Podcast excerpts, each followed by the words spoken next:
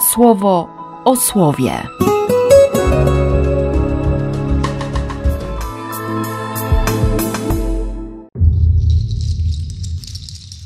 Osiemnasty stycznia, wtorek. Z pierwszej księgi Samuela. Pan odezwał się do Samuela. Jak długo będziesz się smucił nad Saulem i nad tym, że ja za nic go uznałem i że nie może już być królem nad Izraelem? Napełnij swój róg oliwą, bo posyłam cię do Jessego w Betlejem. Upatrzyłem sobie bowiem wśród jego synów jednego, aby był mi królem. Samuel zapytał: Jakże mam pójść? Przecież dowie się Saul i zabije mnie. Pan odpowiedział: Weź z sobą jałowicę. Powiesz tak: Idę złożyć ofiarę Panu. Zaprosisz potem Jessego do składania tej ofiary, a ja pouczę cię wtedy, co masz uczynić. Namaścisz tego, którego ci wskażę. Samuel uczynił wszystko zgodnie z nakazem Pana. Gdy przybył do Betlejem, starszyzna miasta, spotkawszy się z nim, była zaniepokojona. Zapytała: Czy twoje, widzący, przyjście oznacza pokój? Odpowiedział: Pokój. Przyszedłem złożyć Panu ofiarę. Oczyśćcie się i cieszcie się dzisiaj ze mną. I sam oczyścił Jessego oraz jego synów, bo ich także zaprosił do składania ofiary.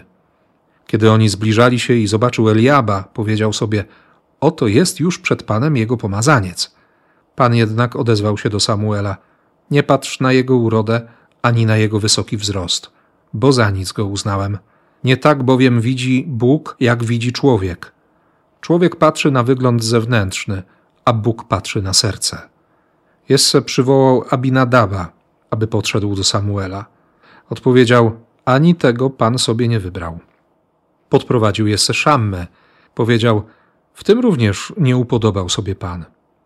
I tak Jesse przedstawił Samuelowi aż siedmiu swoich synów, ale Samuel odrzekł: Nie ich pan wybrał. Samuel zapytał Jessego: Zostali jeszcze jacyś młodzieńcy? Odpowiedział: Jest jeszcze ten mały, ale on zajęty jest pasieniem stada. Samuel rzekł Jessemu: Poślij kogoś i sprowadź go. Nie zasiądziemy do jedzenia, dopóki on nie przyjdzie. Posłał i sprowadził go. Był rudowłosy i miał ładne oczy, z wyglądu odpowiedni dla pana. Pan powiedział Samuelowi: Wstań, namaść Dawida. On jest dobry. Samuel wziął róg z oliwą i namaścił go pośrodku jego braci. Od tego dnia duch Pana zstępował na Dawida. Potem Samuel powstał i odszedł do Rama. Z Ewangelii według świętego Marka. Kiedyś w szabat przechodził wśród zbóż. Jego uczniowie zaczęli po drodze zrywać kłosy. Faryzeusze pytali go, dlaczego w szabat robią to, czego nie wolno. Odpowiedział im, nigdy nie czytaliście, co zrobił Dawid, gdy znalazł się w biedzie i głodny był, on sam i inni z nim. Jak wszedł do domu Bożego za czasów arcykapłana Abiatara i zjadł chleby pokładne, które wolno jeść tylko kapłanowi, a dał je także tym, którzy z nim byli. Powiedział im jeszcze, to szabat został ustanowiony dla człowieka, a nie człowiek dla szabatu. Dlatego Syn Człowieczy jest Panem także szabatu. I Samuel już więcej nie widział się z Saulem aż do dnia swojej śmierci, bo cierpiał Samuel z powodu Saula. A Pan żałował, że ustanowił Saula królem Izraela. No co się Bóg pomylił? Nie, nie pomylił się Pan. Tylko człowiek ma wolną wolę. Nie? Może wybrać. Człowiek się może pomylić. Zresztą za chwilę Samuel będzie się mylił. No, ma doświadczenie wyboru Saula. Bóg mu powiedział dzień wcześniej, że właśnie o tej porze następnego dnia spotka Beniaminitę i tak dalej, i tak dalej. No i że to właśnie taki człowiek będzie. Nie? Tym razem Samuel ma po prostu iść do Betlejem, wejść do domu Jessego, bo upatrzył sobie Pan jednego z synów Jessego. Więc kiedy zobaczył Eliaba, od razu pomyślał, że to on. Zresztą Eliab. Bóg jest ojcem. Ojcostwo Boga. No, kto może być lepszy? A Pan mówi: Nie, nie, nie. To nie tak. Nie tak bowiem widzi Bóg, jak widzi człowiek.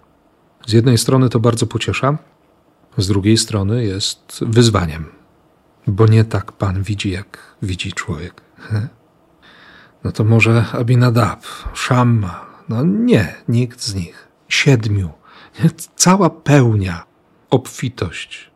No jest jeszcze ósmy, nie? Ten, ten mały jest jeszcze.